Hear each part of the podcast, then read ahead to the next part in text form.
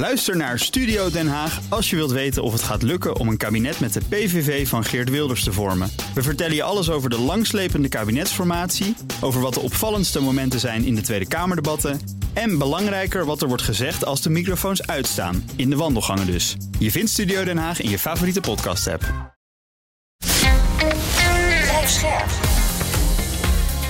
BNR Nieuwsradio. Boekenstein en de Wijk. Hugo Reitsma. Dit is een extra uitzending van Boekenstein en de Wijk in verband met de oorlog in Oekraïne en de crisis met Rusland. Het is woensdag, dag 357 van de invasie. En vanmiddag is de NAVO-ministeriële in Brussel afgerond, hè? Ja, ja, het is een beetje vaag communiqué, maar dat is natuurlijk wel vaker het geval. Hè? Je moet ook even vooraf, je moet opmerken, defensieministers hebben niet de macht. Hè? Ik bedoel, dan moet het kabinet moet er nog overheen en ook buitenlandse zaken zitten er altijd uh, bovenop. Hè? Maar goed, wat hebben ze met elkaar besproken? En dat is dat ze, ze er is een groot probleem met de industriële capaciteit om dus hm. die voorraden aan te vullen. Nou, daar zijn ze heel erg mee bezig. Hè? Uh, en ze vinden dus ook echt dat ze met het bedrijfsleven moeten samenwerken en zo. Hm. Dat is allemaal helemaal niet zo eenvoudig. Hè? Nou, daar hebben we al vaak over gesproken. Dat gebeurt dus nu ook. Ze gaan ook doelen zetten voor de, de, de voorraden van munitie. Want die is zowel aan de Oekraïnse kant als aan de Russische kant is dat een probleem. Ze gaan iets doen met critical undersea infrastructure. Dan hebben we het natuurlijk over hm. de, uh, de pijplijnen en zo. Maar ook de, de cables, hè, waar we het ook vaak over gehad hebben. Daar moet het aan gebeuren. Dat is echt een groot probleem, hè? Dat, dat kan niet overschat worden. En het, uh, ons rapport van het HCSS heeft er ook een belangrijke rol bij gespeeld bij die discussie. Uh, omdat uh, het, die, die, kritische infrastructuur ligt in de exclusieve economische zone en daar hebben we geen jurisdictie.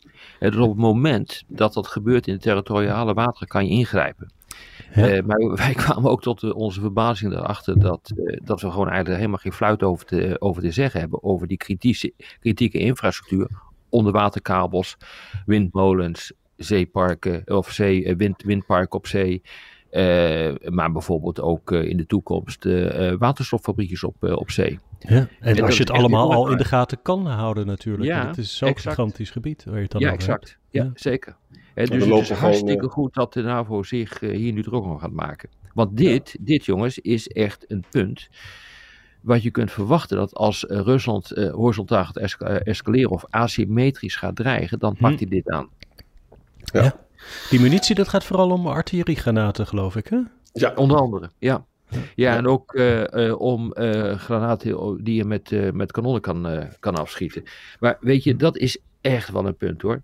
Eh, dus je ziet nu dat aan beide kanten, zowel aan Russische als Oekraïnse kant, het aantal granaten dat wordt afgeschoten echt drastisch eh, terugloopt per dag. Nu is het voor Oekraïne 5000 per dag, soms 6000 eh, per dag. Het waren er 10.000. Maar realiseer je dat eh, 5000 ongeveer het aantal is dat een gemiddeld land, een kleiner land binnen de NAVO, per jaar aankoopt.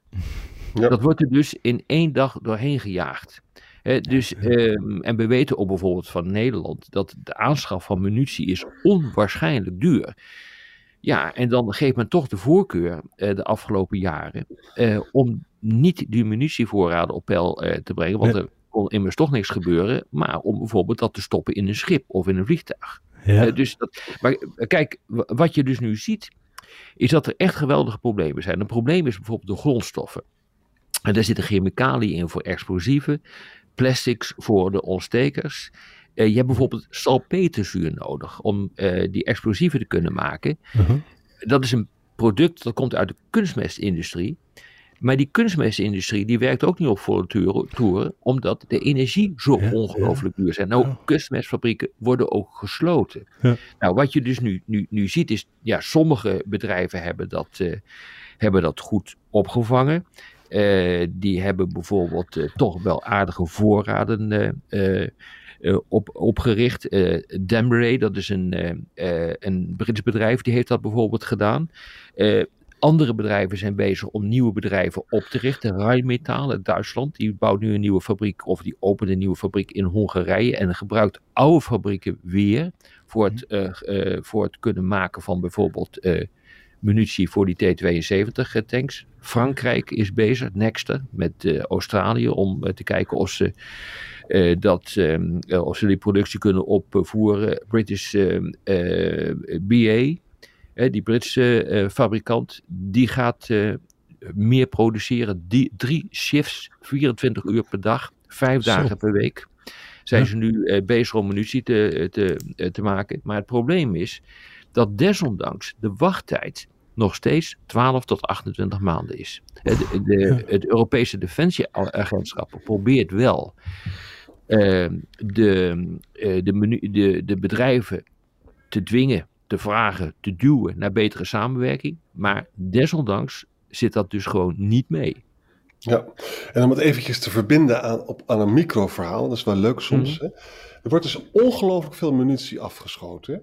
Als we nou eens in, inzoomen naar dat plaatsje Vuledar, dat zit dus tussen Oost-Donetsk en Saporizia in. Hè? Mhm. Er zijn dus de afgelopen twee dagen zijn er duizend Russen zijn er doodgeschoten. Hè? 130 eh, panzervoertuigen, waaronder 36 tanks. Dus eigenlijk twee Russische brigades zijn er gewoon aangegaan, zegt mhm, Ben Wallace. Ja. En Oekraïne heeft dus ongelooflijk veel uh, munitie uh, daar gebruikt. Maar dat geldt ook voor de Russische kant. Dus het, het cynische is dus, we krijgen straks misschien wel een situatie dat er gewoon, dat de kanonnen een beetje zwijgen, omdat er gewoon aan beide kanten niet zoveel munitie meer is. Uh, feitelijk gebeurt dat al. Ja. dus ook als je kijkt wat de, de Russen deden en afschoten, dan was dat ooit in de hoogtijdagen 40.000 tot 60.000 granaten per dag. En dat is echt gedecimeerd. En uh, er wordt gezegd dat dat nu ook blijft steken op pakweg 10.000 per dag. Dus dat zijn geen grote aantallen meer. Ja. Dat voelen daar, dat ligt zeg maar onder de Donbass, het zuidoosten. Heb je het dan, hoe gaat het in de Donbass? Weten we daar iets over de situatie op de grond? Nou, op zich gebeurt er niet zoveel, maar dat hoeft al een hele tijd. Die Russen rukken wel een klein beetje op, maar het, is, ja, het zijn eigenlijk bijna verwaarloosbare uh, het, ja, uh, opmarsen. Uh, wat wel echt interessant is, is dat, uh, daar berichtte de Washington Post over, is dat de Amerikanen, ook al zeggen ze in het openbaar van we steunen totdat we er neervallen, bij, bij wijze van spreken, onze steun mhm. is zonder beperkingen. Mm Achter de schermen wordt een ander verhaal verteld. daar wordt gezegd van Bakmoed, misschien moet je het gewoon maar opgeven. Mhm. Eh, want het kost te veel slachtoffers, het kost te veel granaten, het kost te veel materieel. Dat kun je veel beter gebruiken uh, voor een uh, komend lenteoffensief. Ja. en ehm, daar wordt ook gezegd van het is niet zo dat we ongelimiteerd continu maar door zullen gaan met het leveren van munitie en mhm. wapens. En ja, de reden ligt natuurlijk voor de hand. Er zit ook een einde wat dat betreft aan de leveringen voor Amerika. Zelfs voor Amerika. Ik zag overigens in dat verband ook nog een peiling van Associated Press. Dat de steun voor de steun, zeg maar, aan Oekraïne onder de Amerikaanse bevolking is gedaald van 60% in de derde maand van de oorlog naar 50% nu ongeveer. Dat is dus net zoals de munitievoorraden ook niet oneindig. Ja, ja, dat klopt.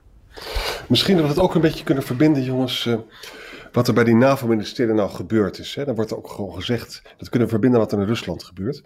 Kijk, de Westen zegt dus van, weet je wat, laat Bakhmut misschien maar uh, zitten en ga voor dat lenteoffensief. Maar dan zullen we het zo doen, wij gaan dus die wapens allemaal leveren, maar wij, gaan, wij geven niet zomaar platforms, zeggen de generaals en Stoltenberg, maar wij geven ook training. En daarmee bedoelen ze, als je nou die verbondenheid der wapens goed oefent, hè, dus infanterie, tanks en aircraft, hè, dan zou je beter kunnen zijn dan de Russen. En het probleem is dat de Russen zijn precies hetzelfde bezig. Want ik las dus ook dat de Russen zijn bezig om met vliegtuigen, helikopters en uh, bommenwerpers ja. uh, luchtsteun op orde te brengen. En ze hebben dus in, op Russisch grondgebied, bij de uh, noordoostgrens van de Oekraïne, hebben ze twee kampen bij Voronezh en Koersk. En daar gaan waarschijnlijk dan dus die 300.000 reservisten waar we steeds over praten, gaan daar naartoe. En dan hopen ze dus eh, nou wel operaties met verbondenheid der wapens te kunnen doen. Met die verbonden wapens heet dat. Ja, voor verbonden wapens, ja. ja. En het is alleen zeer de vraag of dat natuurlijk uh, uh, lukt. Hè? En ze hebben, ze hebben ook getallen genoemd, jongens. Er zijn dus nu de helft van een pre-invasie vloot tanks zijn ze kwijt. Maar er zijn wel 5000 tanks nog over. Mm En Oekraïne heeft er 953. En die hebben ook een paar Russische tanks veroverd. Hè? En, en ze krijgen er nog 250 bij. Dus het is, ja, jongens, er zijn dus de kwantiteit is wel aan Russische zijde. Ja, maar dat wist wel een hele tijd. Hè? Dat geldt trouwens ook voor de vliegtuigen. Ook uh, daar hebben de Amerikanen met name weer van gezegd: onderschat de Russische luchtmacht niet. Die is nog steeds sterk. En uh, eigenlijk wat je zo, zo net ook hebt gezegd, je ziet nu een verschuiving uh, plaatsvinden naar toch meer gebruik van, uh, van de luchtmacht. Kijk, in, wat is nou in het begin van uh, de strijd fout gegaan? toen hebben de Russen geprobeerd om de vijandelijke luchtverdediging, dus die van Oekraïne, te neutraliseren.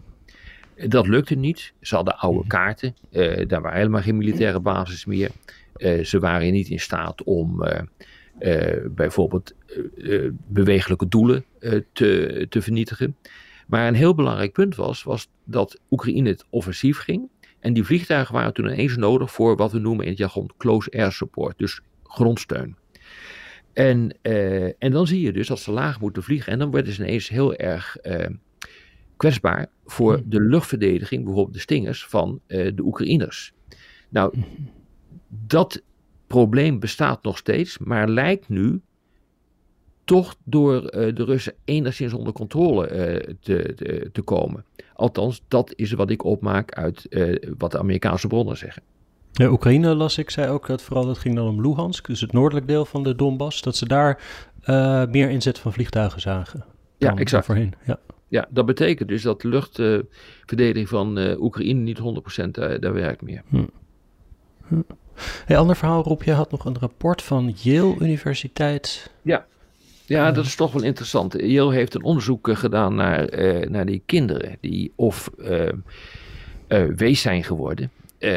dus de kinderen uit de Oekraïne die of wees zijn geworden of ja, eigenlijk door een, van hun ouders worden afgepakt. Daar kwam het feitelijk op neer. En die worden in wat men dan noemt faciliteiten ondergebracht. Dat zijn eigenlijk voormalige zomerkampen. En een, een aantal daarvan zit rond de, twaalf, eh, rond de Zwarte Zee, dat zijn er twaalf. Zeven zitten in de Krim. Maar gek genoeg ook tien rond Moskou. En een aantal andere steden. En uh, je ziet dat eigenlijk alle niveaus uh, van de Russische staat daarbij betrokken zijn. Dus van het hoogste niveau, van de ministeries, en mogelijkerwijs dan ook van het Kremlin uh, tot de lagere niveaus, de provincies en de steden. En die proberen dat allemaal te organiseren. Uh, het punt is uh, dat het in belangrijke mate ook gewoon tegen het oorlogsrecht ingaat om dit te hmm. doen. Want ze worden ook wederrechtelijk ondergebracht in dit soort kampementen. ze worden bijvoorbeeld met instemming van de ouders worden ze naartoe gebracht, maar die ouders zien ze vervolgens nooit meer terug. Of ze worden zonder instemming van de ouders naartoe, uh, daar naartoe gebracht. En wat je ziet, is dat er sprake is van heropvoeding. Dus men moet zich echt uh, gaan gedragen en gaan denken als Rus. Ja. En dat is natuurlijk echt wel heel problematisch, want dat uh, druist ook in tegen feitelijk de conventie van de rechten van het kind. Ja. Dit is gewoon een misdadig regime, vind ik. Ja, het is echt een nieuw niveau van laag. Hè? Nou, het is niet nieuw, hè? ze zijn hier al een tijdje mee bezig, maar het is wel echt ongelooflijk. Ja, maar het is goed dat dat nu, uh, uh, nu zo naar voren is uh, gekomen. En het gaat echt om, om grote aantallen hoor. Het gaat gewoon, ze hebben 6000 van dat soort kinderen kunnen traceren. Dat is echt veel. Ja. Jongen. Ja. Nou, ehm, dank weer. En tot morgen. morgen. Tot morgen. Ook Bas van Werven vind je in de BNR-app. Ja, je kunt live naar mij en Iwan luisteren tijdens de ochtendspits. Je krijgt een melding van Breaking News. En niet alleen onze podcast Ochtendnieuws, maar alle BNR-podcasts vind je in de app. Download nu de gratis BNR-app en blijf scherp.